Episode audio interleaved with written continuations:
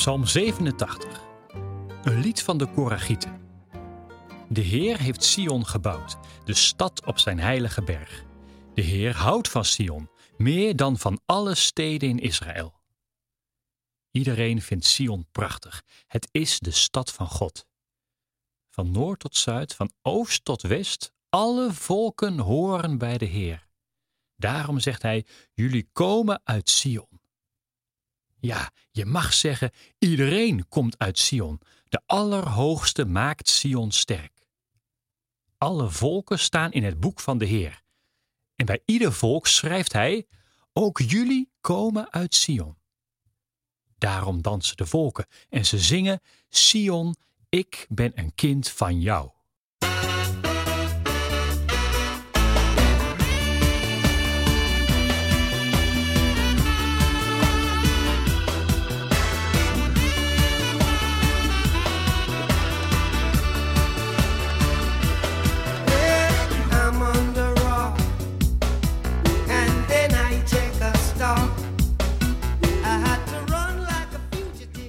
De droomstad rust op de heilige berg. Hier worden alle mensen huisgenoten. Laat ze dus vieren, dansen, zingen. De bakermat van vrede, stad, ben jij. Sion of Jeruzalem als lichtend voorbeeld. Het klinkt wat pretentieus.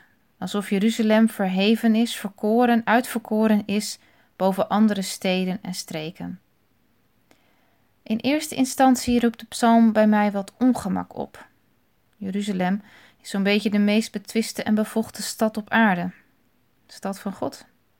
Ik weet het niet. In onze tijd lijkt de vrede in Jeruzalem ver te zoeken.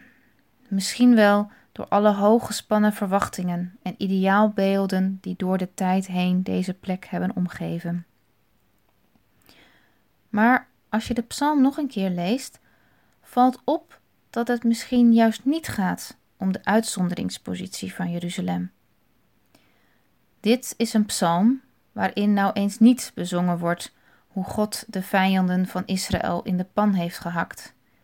De dichter verlangt naar vrede, naar verbondenheid tussen mensen van verschillende achtergronden, ook met landen waarmee conflicten zijn of zijn geweest.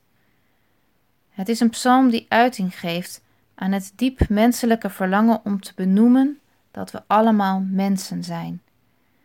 Dat de overeenkomsten altijd nog groter zijn dan de verschillen. En variaties op deze psalm klinken tot op de dag van vandaag. Ik hoor bijvoorbeeld een echo van deze psalm in een lied als Alle mensen weer den Brüder, maar ook in de mengeling van muziekstijlen, zoals toen koning Willem-Alexander werd ingehuldigd, DJ Armin van Buren samenspeelde met het Concertgebouworkest. Welke variaties op deze psalm komen bij jou naar boven? Voor de dichter is Jeruzalem een plaats waar alle mensen samen kunnen komen. Hij lijkt te willen zeggen: Hier horen alle volken thuis. Hier worden alle mensen huisgenoten. Laat ze dus vieren, dansen, zingen. De bakermat van vrede, stad ben jij.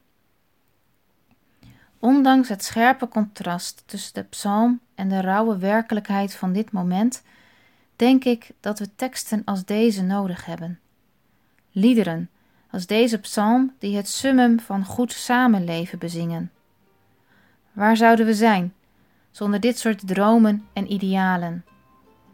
Zouden we dan de momenten herkennen waarop de hemel de aarde raakt? Waar wordt de hemel voor jou op aarde zichtbaar en tastbaar?